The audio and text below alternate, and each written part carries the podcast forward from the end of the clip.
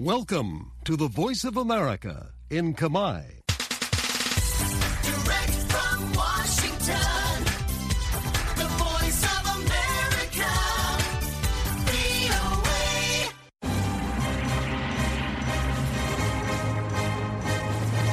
សួស្តីប្រិយមិត្តអ្នកស្ដាប់ជាទីមេត្រី នៅក្នុងកម្មវិធីផ្សាយតាមវិទ្យុរបស់ VOA នៅព្រឹកថ្ងៃសៅរ៍ទី20ខែមករាឆ្នាំ2024នេះខ្ញុំជឹងពូជីននិងសហការីនៃក្រុមផ្សាយជាកាមេរ៉ាភាសាសូមស្វាគមន៍ប្រិយមិត្តពីរដ្ឋធានី Washington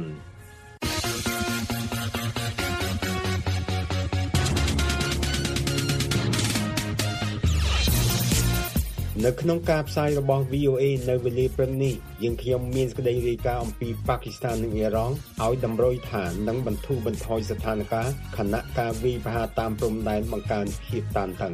ប្រធានមូលនិធិរូបិយវត្ថុអន្តរជាតិ IMF ប្រមានពីសម្ពាធនៃការចំណាយមុនពេលបោះឆ្នោតតាមបណ្ដាប្រទេសនានានៅទូទាំងពិភពលោកតើកោះហ្គាឡង់ដែលការពីពេលមុនជាជំរុញជនភៀសខ្លួនសម្រាប់ពលរដ្ឋវៀតណាមអាចជាជំរករបស់ជនជាតិរ៉ូហិញ៉ាដែរឬទេសកម្មជនគណៈបកភ្លើងទៀន2នាក់ប្តឹងអូតូជំទាស់នឹងដីកាឃុំខ្លួនហើយនឹងសេចក្តីរាយការណ៍អំពីនគរបាលកម្ពុជាជួយសង្គ្រោះជនជាតិបង់ក្លាដេសជាង50នាក់ក្នុងករណីឆបោកនៅក្រុងភ្នំពេញ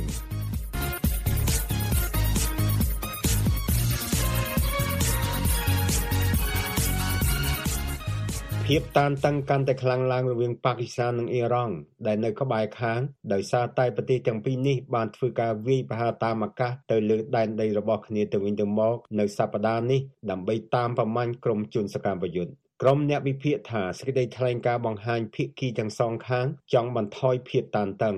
អ្នកស្រី Sarah Zaman ប្រធានការិយាល័យ VOA នៅប៉ាគីស្ថានរាយការណ៍អំពីរឿងនេះអ្នកនាងស្រីលក្ខណៈជួនសេចក្តីប្រែសម្រួលដោយតទៅលោកស្រីភូមិថាហ្សារ៉ាបាឡុកអ្នកនាំពាក្យក្រសួងការបរទេសប៉ាគីស្ថានថ្លែងថា The sole objective of today's គោលបំណងនៃទង្វើថ្ងៃនេះគឺដើម្បីសន្តិសុខនិងប្រយោជន៍ជាតិប៉ាគីស្ថាន ដែលសំខាន់បំផុត និងមិនអាចប៉ះពាល់បាន ក្នុងប្រតិបត្តិការដែលហៅថាសម្រាប់ពួកភេរវកម្ម ប៉ាគីស្ថានថាខ្លួនបានសម្រាប់ពួកភេរវកម្មដែលមានដើមកំណើតប៉ាគីស្ថានជាច្រើនអ្នកនៅតាមព្រំដែនសេចក្តីថ្លែងការណ៍យោធាមួយថាមានការប្រយ័ត្នប្រយែងអតិបរមាដើម្បីជៀសវាងការខូចខាតទាំងសងខាងប៉ុន្តែអ៊ីរ៉ង់ថាកុមារ4នាក់និងស្ត្រី3នាក់ស្ថិតនៅក្នុងចំណោមអ្នកស្លាប់9នាក់ការវាយប្រហារធ្វើឡើងដើម្បីឆ្លើយតបនឹងការវាយប្រហាររបស់អ៊ីរ៉ង់នៅប៉ាគីស្ថានកាលពីថ្ងៃអង្គារអ៊ីរ៉ង់ថាខ្លួនសម្ដៅទៅលើតែភេរវកម្មអ៊ីរ៉ង់ប៉ុន្តែប៉ាគីស្ថានថាកុមារប៉ាគីស្ថាន2នាក់ ត្រូវបានសម្លាប់ហើយជនស៊ីវិលយ៉ាងហោចណាស់3នាក់បានរងរបួសអ៊ីរ៉ង់ក៏បានបាញ់មីស៊ីលសម្ដៅស៊ីរីនិងអ៊ីរ៉ាក់នៅសប្តាហ៍នេះលោកសាយិតមូហាម៉ាត់អាលីអ្នកវិភាគផ្នែកការពារជាតិមានមូលដ្ឋាននៅរដ្ឋធានីអ៊ីស្លាមាបាតរបស់ប៉ាគីស្ថានបានថ្លែងថា Perhaps uh, this uh, irresponsible ទង្វើគ្មានការទទួលខុសត្រូវដែលមិនត្រឹមតែប្រឆាំងប៉ាគីស្ថានតែក៏ប្រឆាំងអ៊ីរ៉ាក់និងស៊ីរីនោះ ប្រហែលជាលទ្ធផលនៃតម្រូវការនយោបាយរបស់ថ្នាក់ដឹកនាំមនោគមវិជ្ជាអ៊ីរ៉ង់ដើម្បីបង្វែរនិងបន្ថយសម្ពាធខាងក្នុងនិងក្រៅស្រុកអ្នកជំនាញថាភាពតានតឹងគឺមកពីសង្គ្រាមអ៊ីស្រាអែលនិងហាម៉ាស់នៅកាហ្សាដែលបានសម្លាប់ពលរដ្ឋប៉ាឡេស្ទីនរាប់ពាន់នាក់ពួកគេថាហាម៉ាស់និងពួកអ៊ូទីមហ៊ូទីដែលអាមេរិកចាត់ទុកថាជាពួកភេរវកម្មក៏ដូចជាពួកហ៊ីស្បូឡានៅលីបង់ចង់ឲ្យអ៊ីរ៉ង់ធ្វើកាន់តែច្រើនជាងនេះ ប៉ាគីស្ថាននិងអ៊ីរ៉ង់ជាញឹកញាប់រុញច្រានគ្នាឲ្យធ្វើសកម្មភាពប្រឆាំងក្រុមសកម្មយុទ្ធប្រឆាំងរដ្ឋនៅតាមព្រំដែនអ្នកសង្កេតការណ៍ប៉ាគីស្ថានថាប្រទេសខ្លួនគ្មានជំរឿអ្វីក្រៅពីសងសឹកអ្នកស្រីអាយេសាស៊ីឌីកាអ្នកជំនាញផ្នែកកិច្ចការយោធានៅឯមហាវិទ្យាល័យ King's College ថ្លែងថា anyone can then use this argument that you know there are អ្នកណាក៏អាចប្រើហេតុកម្មថាមានក្រុមសកម្មប្រយុទ្ធនៅប៉ាគីស្ថាន ហើយមកវាយប្រហារដែរដូច្នេះចាំបាច់ត្រូវការការឆ្លើយតប ក្រោយការវាយប្រហារភាគីទាំងពីរចេញសេចក្តីថ្លែងការណ៍ហៅគ្នាទៅវិញទៅមកថាជាប្រទេសបងប្អូនហើយថាគ្មានការវាយប្រហារតាមអាកាសឬប្រយុទ្ធគ្នាលើដីគោកនោះទេលោកសាយិតមូហាម៉ាត់អាលីអ្នកវិភាគផ្នែកការពារជាតិមានមូលដ្ឋាននៅរដ្ឋធានីអ៊ីស្លាមាបាតរបស់ប៉ាគីស្ថានថ្លែងថា there is a desire uh, and in មានទំនោរចង់ធ្វើការអត់ធ្មត់និងគ្រប់គ្រងការរីករាលដាលដើម្បីរារាំងការរីករាលដាលដែលមិនអាចគ្រប់គ្រងបាន ដែលនឹងមិនមែនជាប្រយោជន៍សម្រាប់ភាគីណាមួយទេប៉ាគីស្ថានភាគច្រើនមានអ្នកកាន់សាសនាអ៊ីស្លាមនិកាយស៊ូនីហើយនៅអ៊ីរ៉ង់ភាគច្រើនជានិកាយឈីអ៊ីតអ្នកស្រីស៊ីឌីកាបារម្ភថាភាពតានតឹងចុងក្រោយនេះអាចឈានទៅដល់ចំនួននិកាយ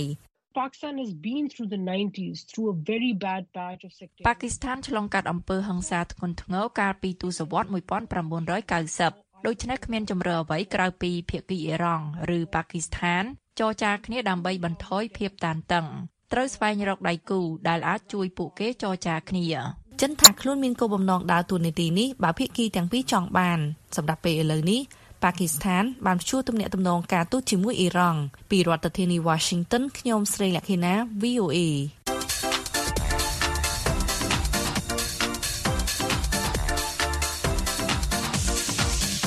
ប្រិមិត្ត VOA ជាទីមេត្រីតើលោកអ្នកចង់ដឹងពីប្រធានបទអ្វីខ្លះ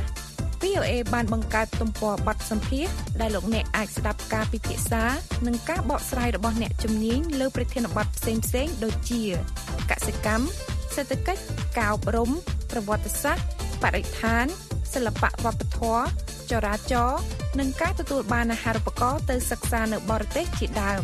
ដើម្បីស្ដាប់បទសម្ភាសន៍ទាំងនេះសូមចូលទៅកាន់គេហទំព័រ khmer.voanews.com រួចរកមើលពាក្យបទសម្ភាសន៍នៅផ្នែកខាងក្រោមបំផុតនៃគេហទំព័រនេះ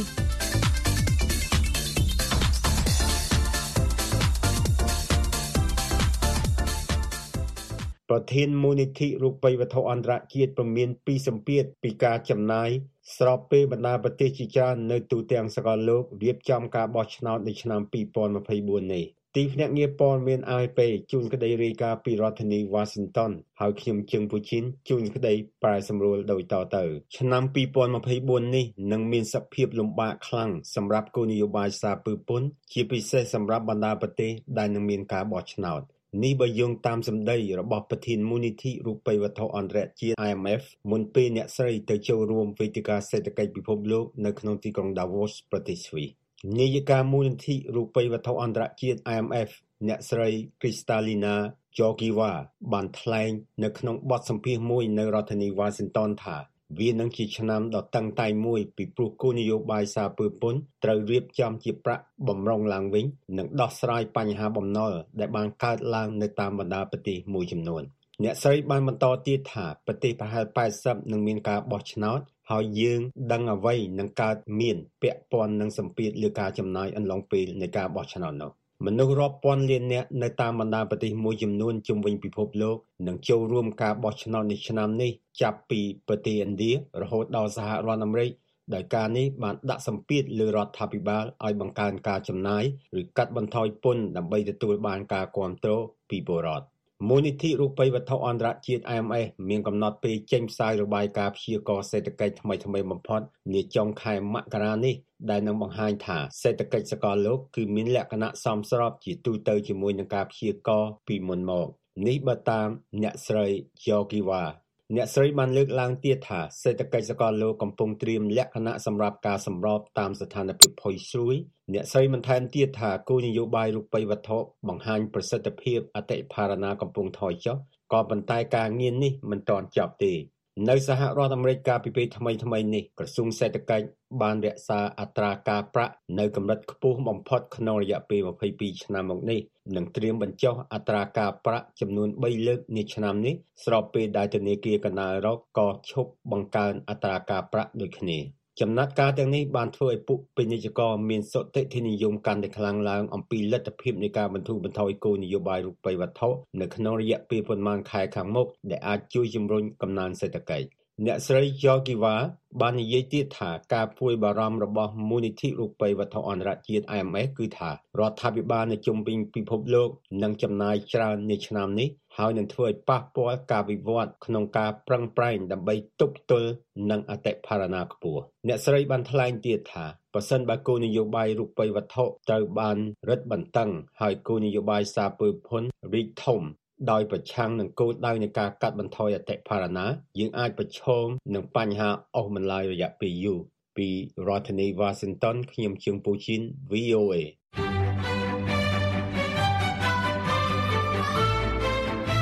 រិយមិត្តជាទីមេត្រីឥឡូវនេះកម្មវិធី Hello VOA ស្ដីពីសុខភាពដែលតែងតែចាក់ផ្សាយនៅរៀងរាល់ថ្ងៃប្រហ័សសប្តាហ៍ទី3នៃខែនីមួយៗក៏មានជាវីដេអូផងដែរលោកអ្នកនាងអាចទស្សនាកម្មវិធី Hello VOA ស្ដីពីសុខភាពនេះបានដោយចូលទៅកាន់គេហទំព័ររបស់យើងខ្ញុំ ដែលមានអាសយដ្ឋាន www.khmer.voanews.com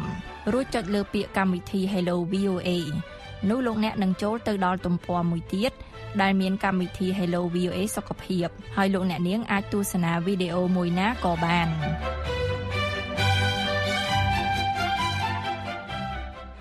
អង្គការសហប្រជាជាតិប៉ាន់ស្មានថាជនជាតិភៀតតិចរ៉ូហីញ៉ាកាន់សាសនាអ៊ីស្លាមជាង1លាននាក់បានរត់គេចខ្លួនពីប្រទេសមីយ៉ាន់ម៉ាជាបន្តបន្ទាប់ហើយខណៈដែលពួកគេភៀសច្រើនបានទៅរស់នៅក្នុងប្រទេសបង់ក្លាដេសដែលជាប្រទេសជិតខាង អ្នកខ្លះបានជិះទូកទៅកាន់ប្រទេសឥណ្ឌូនេស៊ីដែលឥឡូវនេះកំពុងពិចារណាប្រើប្រាស់អតីតកោះសម្រាប់ជនភៀសខ្លួនជាកន្លែងតាំងទីលំនៅថ្មីរបស់ពួកគេ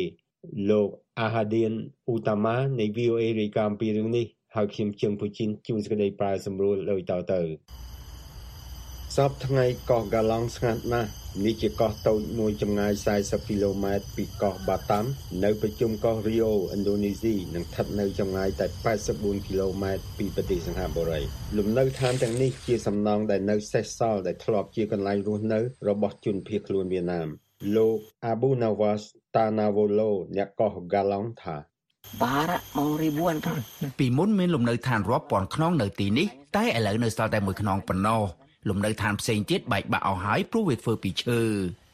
លោក Abu Nawos Tanawolo អាយុ50ឆ្នាំជាសន្តិសុខនៅអតីតជំរំជនភៀសខ្លួននេះលោករស់នៅកោះនេះតាំងពីតូចមកលោកចាំថាបានលេងជាមួយកូនក្មេងវៀតណាមមកពីជំរំហើយមានការជិតស្និទ្ធជាមួយគ្រួសារជនភៀសខ្លួនវៀតណាមមួយ ពីឆ្នាំ1979ដល់ឆ្នាំ1996កោះនេះជាកន្លែងរស់នៅរបស់ជនភៀសខ្លួនវៀតណាមដែលរត់គេចខ្លួនពីប្រទេសខ្លួនភៀសច្រើនតាមទូកហើយមានជនជាតិខ្មែរនិងឡាវខ្លះដែរជនភៀសខ្លួនប្រហែល250,000នាក់កាលពីមុនធ្លាប់រស់នៅលើកោះនេះជាបណ្ដោះអាសន្នអ្វីដែលនៅសេសសល់ឥឡូវនេះគឺអាគារទទេដែលទ្រុឌទ្រោមដូចជាអតីតមន្ទីរពេទ្យកកបាតក្រហមឥណ្ឌូនេស៊ី និងវិហារកាតូលិកវៀតណាមនិងកន្លែងបញ្ចុះសពជនភៀសខ្លួនវៀតណាមដែលបានស្លាប់នៅលើកោះនេះកន្លែងនេះឥឡូវជាកន្លែងអនុស្សាវរីយ៍និងទេសចរតែកោះនេះកំពុងស្ថិតក្នុងការជជែកដេញដោលអំពីជនភៀសខ្លួនថ្មី អាញាធរឥណ្ឌូនេស៊ីឥឡូវនេះកំពុងពិចារណាចង់យកកោះហ្គាឡង់មកដាក់ជនភៀសខ្លួនរ៉ូហីញ៉ាកាន់សាសនាអ៊ីស្លាមដែលរត់គេចចេញពីមីយ៉ាន់ម៉ាតាមទូកហើយមកដល់ខេត្តអាជេនៅក្បែរនោះដែលនៅប៉ែកខាងលិចបំផុតនៃប្រជុំកោះឥណ្ឌូនេស៊ីអ្នកស្រុកអាជេមិនស្វាគមន៍ពួកគេទេពួកមន្ត្រីនៅក្រុងបាតាំដែលត្រួតត្រាកោះហ្គាឡង់បានពិភាក្សាពីលទ្ធភាពនៃការតាំងទីលំនៅថ្មីនេះ លោក Rudy Panjatan អ្នកនាំពាក្យក្រុងបាតាំថ្លែងថា Dalam hal ini pemerintah Kota Batam siap menyesuaikan ចំពោះបញ្ហានេះសាលាក្រុងបាត់ថាមនឹងធ្វើតាមបទបញ្ជារបស់រដ្ឋាភិបាលកណ្ដាលព្រោះរដ្ឋាភិបាលកណ្ដាលជាអ្នកដោះស្រាយបញ្ហាជនភៀសខ្លួនមកពីបរទេសអ្នកកោះហ្គាឡង់ខ្លះបារម្ភអំពីសំណើតាំងទីលំនៅថ្មីនេះ អ្នកស្រី Devi Puwanti អ្នកកោះហ្គាឡង់ថា Kita sih sebagai warga យើងជាអ្នកស្រុកនៅទីនេះសូមប្រឆាំងចំពោះការដាក់ជនភៀសខ្លួនរ៉ូហីញ៉ានៅទីនេះព្រោះនឹងមានផលវិបាកសម្រាប់យើងសូម្បីតែអ្នកស្រុកខេត្តអាជេក៏មិនចង់បានជនភៀសខ្លួនរ៉ូហីញ៉ានៅទីនោះដែរអ្នកផ្សេងទៀតថាតាំងពីចុងទសវត្សរ៍1990មកកោះហ្គាឡង់និងកោះផ្សេងទៀតនៅជុំវិញក្រុងបាតាំបានត្រូវភ្ជាប់ដោយសារស្ពានលោក Abu Nawas Tunawolo អតីតបុគ្គលិកជំរំជនភៀសខ្លួនហ្គាឡង់ថា Kalau sekarang dibikin tempat pengungsian Rohingya ឥឡូវនេះបើគេយកកន្លែងនេះមកធ្វើជាជំរកសម្រាប់ជនភៀសខ្លួនរ៉ូហិនយ៉ាអាជ្ញាធរនឹងពិបាកការពារពួកគេឲ្យនៅលើកោះនោះតាមទិន្នន័យពីស្នងការជនភៀសខ្លួនអង្គការសហប្រជាជាតិថាចំនួនជនភៀសខ្លួនរ៉ូហីញ៉ាដែលបានចូលឥណ្ឌូនេស៊ីកាត់តាមខេត្តអាជេតាំងពីខែវិច្ឆិកាមកបានឡើងដល់ជាង1500នាក់ហើយពីរដ្ឋធានី Washington ខ្ញុំជើងពូជីន VOA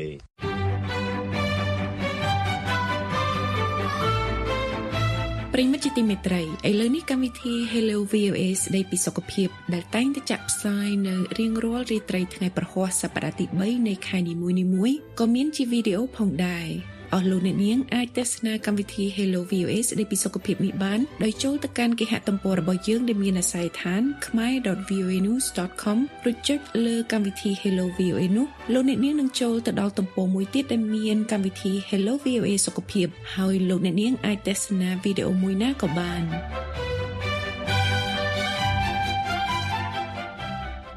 ក្រោយតុលាការសម្រេចឃុំខ្លួនជាបណ្ដោះអាសន្ននៅពន្ធនាគារព្រៃសរ សកម្មជនគណៈបកភ្លើងទៀនទាំងពីរនាក់តាមរយៈមេធាវីរបស់ពួកគេបានប្តឹងឧទ្ធរជំទាស់ទៅនឹងការសម្រេចរបស់តុលាការក្នុងការឃុំខ្លួនពួកគេក្រុមគ្រួសាររបស់សកម្មជនទាំងពីរបានអំពាវនាវឲ្យដោះលែងសមាជិកគ្រួសាររបស់ពួកគេ លោកលាស់លីបលីបរាយការណ៍ VOA ពីរាជធានីភ្នំពេញដូចតទៅសកម្មជនគណបកភ្លើងទៀន2នាក់ដែលត្រូវបានចាប់ខ្លួនកាលពីដើមសប្តាហ៍នេះបានប្តឹងឧទ្ធរជំទាស់នឹងដីកាឃុំខ្លួនបណ្ដោះអាសន្នដែលមានន័យថាពួកគេមិនសុខចិត្តនឹងការសម្រេចរបស់សាលាដំបងរាជធានីភ្នំពេញដែលសម្រេចឃុំខ្លួនពួកគេនៅពន្ធនាគារព្រៃសរនេះបើតាមមេធាវីការពារក្តីរបស់សកម្មជនទាំងពីរនាក់សកម្មជនគណបកភ្លើងទៀនទាំងពីរនាក់នោះរួមមានលោកខឹមច័ន្ទវណ្ណៈប្រធានស្ដីទីគណៈកម្មាធិការប្រតិបត្តិគណៈបកភ្លើងទៀនរាជធានីភ្នំពេញនិងអ្នកស្រីឆៃចិន្តាប្រធានចលនាស្ត្រីខណ្ឌជ្រោយចង្វាដែលត្រូវបានចាប់ខ្លួនកាលពីថ្ងៃច័ន្ទនៅក្នុងសំណុំរឿងពីរផ្សេងគ្នា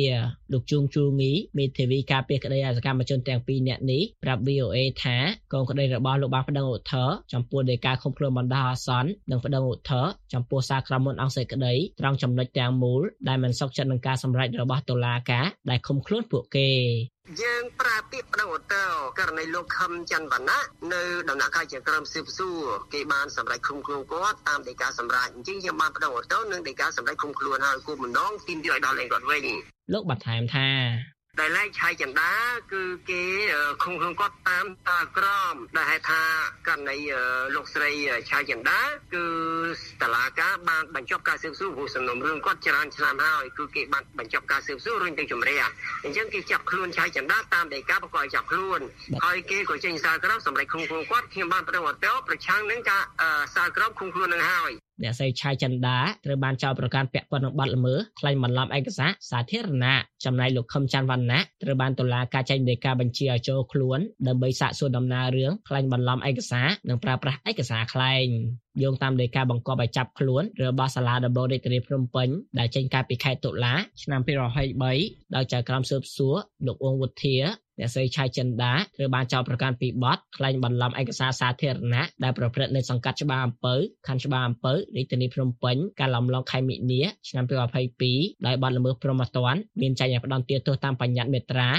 629នៃក្រមព្រហ្មទណ្ឌដោយសំណុំរឿងព្រហ្មទណ្ឌចុះថ្ងៃទី28ខែមេសាឆ្នាំ2022នេះបើតាមដីកាដែល VOA ទទួលបានក្នុងដីកាបង្គាប់ឲ្យចាប់ខ្លួនដដែលនោះលោកអួងវុធា បានបញ្ជាឲ្យកងកម្លាំងសាធារណៈស្រាវជ្រាវរកចាប់ខ្លួននិងនាំខ្លួនអ្នកស្រីឆៃចិន្តាមកតុលាការបើតាមគ្រួសារនិងមេធាវីការពារក្តីអ្នកស្រីឆៃចិន្តាត្រូវបានចោទប្រកាន់ពីបទក្លែងបន្លំឯកសារសាធារណៈទាក់ទងនឹងការដាក់បេក្ខជនដើម្បីឆោតឈ្មោះសម្រាប់ការបោះឆ្នោតជ្រើសរើសសមាជិកក្រុមប្រឹក្សាគុំសង្កាត់ឆ្នាំ2022 ប៉ុន្តែកូនប្រុសរបស់អ្នកស្រីឆៃចិន្តាប្រាប់ VOA ដោយសុំមិនបញ្ចេញឈ្មោះដោយខ្លាចប៉ះពាល់ការងារថាម្ដាយរបស់លោកមិនបានខ្លែងបន្លំឯកសារឬស្នាមមេដៃអ្នកណាម្នាក់ឡើយ លោកស្នើឲ្យតុលាការដោះលែងម្ដាយរបស់លោកដោយថាម្ដាយមានអាយុ64ឆ្នាំកំពុងមានជំងឺប្រចាំកាយដែលត្រូវការព្យាបាលនិងមិនកិច្ចខ្លួនទៅណានោះទេមេធាវីការពារក្តីលោកជួងជួងីប្រាប់ VOA ថាការចាប់ខ្លួនអ្នកស្រីឆៃចិន្តាធ្វើឡើងតាមដីកាបង្គាប់ឲ្យចាប់ខ្លួនដោយតុលាការសំអាងថាបានចេញដីកាបញ្ជាឲ្យចូលខ្លួនចំនួន2លើកប៉ុន្តែអ្នកស្រីឆៃចិន្តាមិនទាន់បានចុះបំភ្លឺដោយលើកទី1មន្ត្រីបញ្ជូនដីកាអ្នកស្រីចិន្តាយឺតពេលនិងលើកទី2អ្នកស្រីស្នាពន្យាពេល ដើម្បីរកមេធាវីការពារក្តី កាលពីថ្ងៃទី16ហ្នឹងគឺតឡាគេបើកសមាការខ្ញុំបានចូលទៅការពិសេសគាត់គឺបើកសមាការដេញដោលថាតើក្រៅពីចាប់ខ្លួនគាត់តាមដីកាហើយតើសម្រាប់ឃុំខ្លួនគាត់ឬក៏ដល់លែងគាត់អញ្ចឹងខ្ញុំជាមេធាវីការពីទីពីដល់លែងគាត់ដោយខ្ញុំសម្អាងថាគាត់អត់កិច្ចវេទនាទេហើយការដែលគាត់មិនបានចូលហ្នឹងដោយសារតែការបញ្ជូនដីកាយឺតហើយគាត់បានសុំពជាពេលត្រឹមត្រូវមានមេធាវីត្រឹមត្រូវចំណែកលោកខឹមច័ន្ទវណ្ណៈប្រធានស្ដីទីគណៈកម្មាធិការប្រតិបត្តិគណៈបកភ្លើងទៀនរាជធានីភ្នំពេញត្រូវបានលោកសេងហៀងព្រះរាជអាជ្ញារងនៃអัยការអមសាលាដំបងរាជធានីភ្នំពេញចេញដីកាបញ្ជាឲ្យចូលខ្លួនដើម្បីសាកសួរដំណើររឿងក្លែងបន្លំឯកសារនិងប្រើប្រាស់ឯកសារក្លែងដោយយោងតាមរបាយការណ៍របស់ការិយាល័យនគរបាលព្រហ្មទណ្ឌកម្រិតធ្ងន់នៃស្នងការដ្ឋាននគរបាលរាជធានីភ្នំពេញចុះថ្ងៃទី15ខែមករាឆ្នាំ2024នេះបាទតាមដីកាបញ្ជាឲ្យចូលខ្លួនចុះថ្ងៃទី15ខែមករាដែល VOA ទទួលបាន ក្នុងដីកានោះលោកសេងហៀងក៏បញ្ជាឲ្យនាំខ្លួនលោកខឹមច័ន្ទវណ្ណៈមកបង្ហាញខ្លួននៅអัยការអមសាលាដំបូងរាជធានីភ្នំពេញឲ្យបានមុនថ្ងៃទី31ខែមករាឆ្នាំ2024ប៉ុន្តែលោកខឹមច័ន្ទវណ្ណៈត្រូវបានអាជ្ញាធរចាប់ខ្លួននៅថ្ងៃទី15ខែមករានោះចំថ្ងៃចេញដីកាតែម្ដង បន្ទាប់ពីមានការចាប់ខ្លួននោះលោកសំវិជ្ជការអ្នកនាំពាក្យស្នងការរាជធានីភ្នំពេញប្រាប់ VOA កាលពីថ្ងៃអង្គារថាអាជ្ញាធរបានខកខ្លួនលោកខឹមច័ន្ទវណ្ណៈតាមពាក្យបណ្ដឹងរបស់ពលរដ្ឋ3នាក់ពាក់ព័ន្ធនឹងការក្លែងបន្លំឯកសារសាធារណៈលើឯកសារឈរឈ្មោះធ្វើជាបេក្ខជនបំរុងឈរឈ្មោះក្រុមប្រឹក្សាគុំសង្កាត់នៅសង្កាត់ផ្សារថ្មីទី3ដែលអ្នកប្តឹងថាមិនបានដឹងខ្លួនអំពីការឈរឈ្មោះនោះទេ កូនប្រុសច្បងរបស់លោកខឹមច័ន្ទវណ្ណៈគឺលោកខឹមច័ន្ទសុវណ្ណមង្គលអាយុ21ឆ្នាំប្រាប់ VOA ថាឪពុករបស់លោកមិនបានធ្វើខុសដោយការចោទប្រកាន់ឡើយនិងបានអំពាវនាវឲ្យដោះលែងឪពុកនេះគឺជាការចោទប្រកាន់មួយបងប្អូនអីគ្រប់ឯកសារគឺយើងមានការជំនួយត្រឹមត្រូវពីនៅក្នុងស្រុក លោកជួងជួងងីដែលជាមេធាវីការពារក្តីឲ្យលោកខឹមច័ន្ទវណ្ណៈដែរនោះប្រាប់ VOA ថាលោកកំពុងពិនិត្យមើលដំណើររឿងនៃការចោទប្រកាន់មួយនេះថាពាក់ព័ន្ធនឹងក្លែងបន្លំឯកសារលើការដាក់បេក្ខជនបំរុងអ្វីឲ្យពិតប្រាកដ គណៈបកភ្លើងទៀនបានចាត់ទុកការចាប់ខ្លួនសកម្មជនទាំងពីរនាក់នេះជារូបភាពគម្រាមកំហែងដើម្បីបំបាក់ស្មារតីប្រជាពលរដ្ឋខ្មែរមិនឲ្យចូលរួមសកម្មភាពនយោបាយជាមួយគណៈបកប្រឆាំងគណៈបកប្រឆាំងនេះក៏អំពាវនាវឲ្យដល់សកម្មជនទាំងពីរនាក់នេះនឹងបញ្ឈប់ការចាប់ខ្លួនការឃុំខ្លួនការគំរាមកំហែងនិងការធ្វើទុកបុកម្នេញតាមគ្រប់រូបភាពរាយការណ៍ពីរាជធានីភ្នំពេញខ្ញុំដោះលេបលេប VOA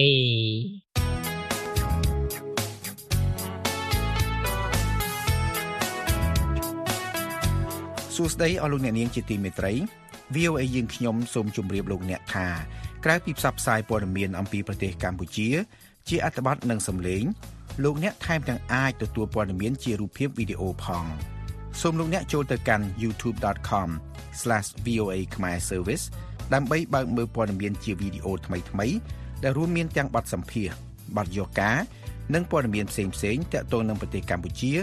និងពលរដ្ឋអាមេរិកដើមកំណើតខ្មែរ។ ជាថ្មីម្ដងទៀតអាសយដ្ឋាននោះគឺ youtube.com/voa khmer service សូមអរគុណ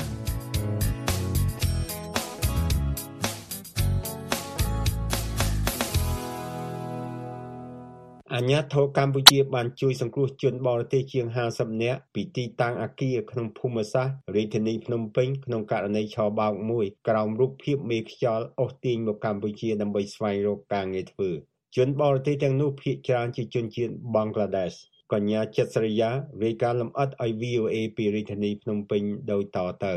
នគរបាលកម្ពុជាបានជួយសង្គ្រោះជនជាតិបង់ក្លាដេសជាង50នាក់ពីអាគារក្នុងភូមិសាស្ត្ររាជធានីភ្នំពេញនិងឃាត់ខ្លួនជនដៃដល់2នាក់ហើយបញ្ជូនទៅតុលាការនេះបើយោងតាមមន្ត្រីជាន់ខ្ពស់នៃអគ្គស្នងការដ្ឋាននគរបាលជាតិដែលប្រាប់ VOA នៅថ្ងៃសុក្រនេះលោកឆៃកំខឿនអ្នកនាំពាក្យអគ្គស្នងការដ្ឋាននគរបាលជាតិប្រាប់ VOA ថាការចុះជួយសង្គ្រោះនិងឃាត់ខ្លួនជនបរទេសធ្វើឡើងកាលពីសប្តាហ៍មុនក្រោយសមត្ថកិច្ចកម្ពុជាទទួលបានពាក្យបណ្ដឹងតាមប្រព័ន្ធ hotline ពីជនជាតិបង់ក្លាដេសលោកបន្ថែមថាក្នុងប្រតិបត្តិការនោះសមត្ថកិច្ចចាប់ខ្លួនជនជាតិបង់ក្លាដេស2នាក់ហើយបញ្ជូនទៅតុលាការដែលពួកគេត្រូវបានឃុំខ្លួនជាបណ្ដោះអាសន្នលោកបន្តថាសមត្ថកិច្ចបានជួយសង្គ្រោះជនជាតិបង់ក្លាដេសចំនួន52នាក់ឥណ្ឌា4នាក់និងស្រីលង្កា1នាក់ហើយបានបញ្ជូនពួកគេទៅខាងក្រសួងសង្គមកិច្ចបើតាមលោកឆៃកំខឿនសមត្ថកិច្ចកម្ពុជាកំពុងស្វែងរកអ្នកពាក់ព័ន្ធនឹងមេខ្លោងចំនួន4នាក់ទៀតដែលកំពុងរត់គេចខ្លួន។ ករណីនេះយើង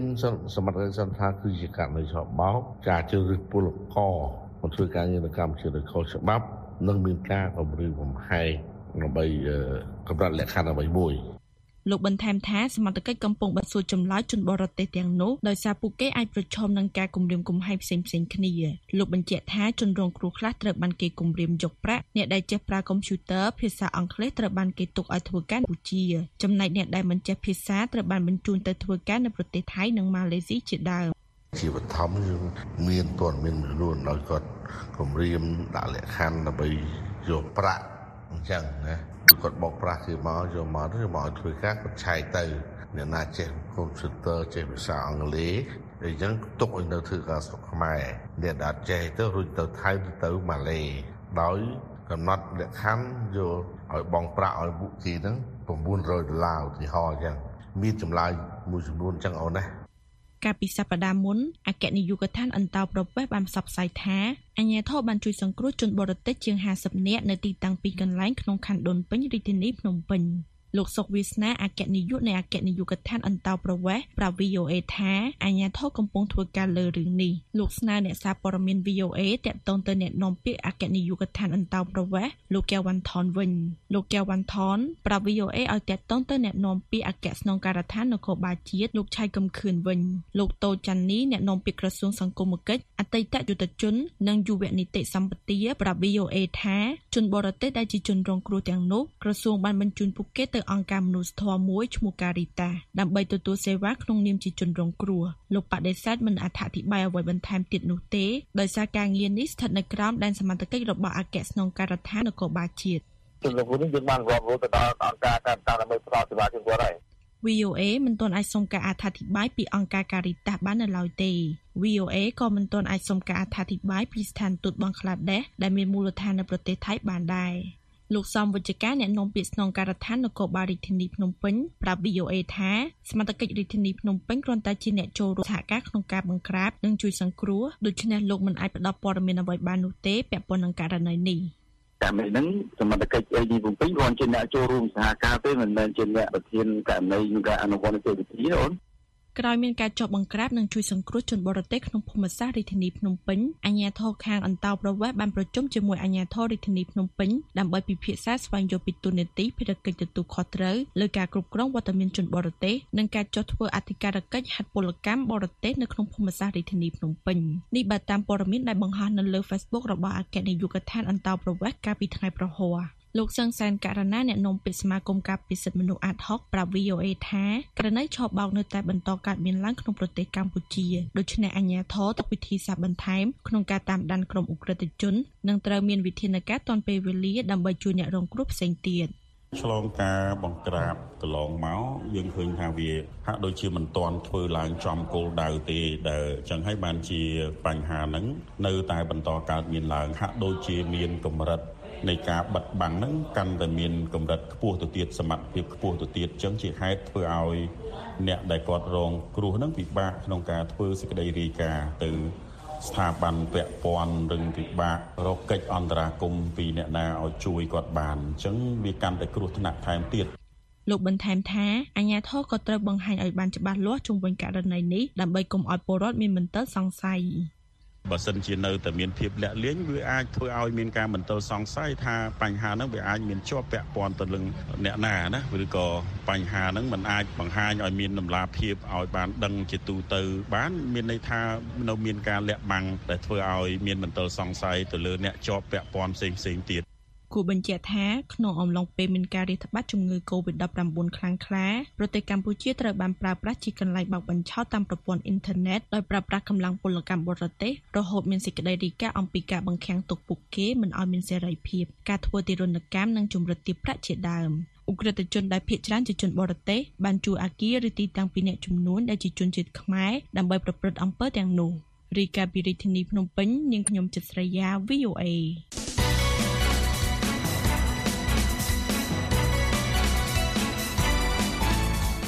ប្រិយមិត្ត VOA ជាទីមេត្រី VOA ខេមរៈភាសាទើបបានបង្កើតទំព័ររបស់ខ្លួននៅលើបណ្ដាញសង្គម Telegram ដែលនាំមកជូនលោកអ្នកនៅព័ត៌មានសំខាន់សំខាន់និងថ្មីថ្មីបំផុត អំពីប្រទេសកម្ពុជា អំពីសហរដ្ឋអាមេរិកនិងព័ត៌មានអន្តរជាតិនានាក្នុងពិភពលោកសូមលោកអ្នកចូលទៅកាន់អាស័យដ្ឋាន t.me/voa ខ្មែររួចចុចពាក្យ join សូមអរគុណ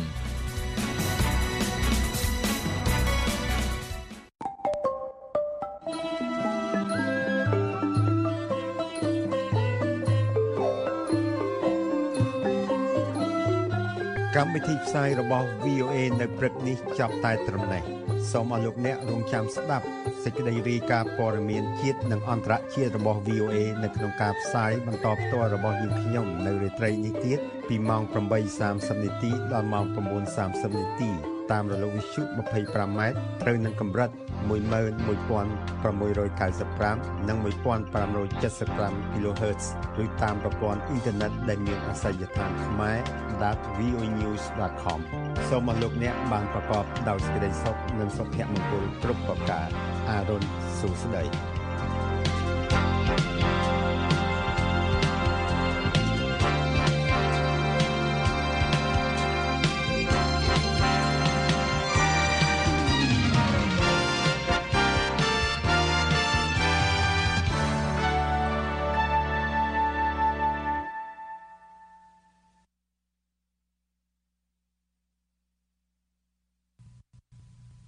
This program has come to you from the Voice of America, Washington.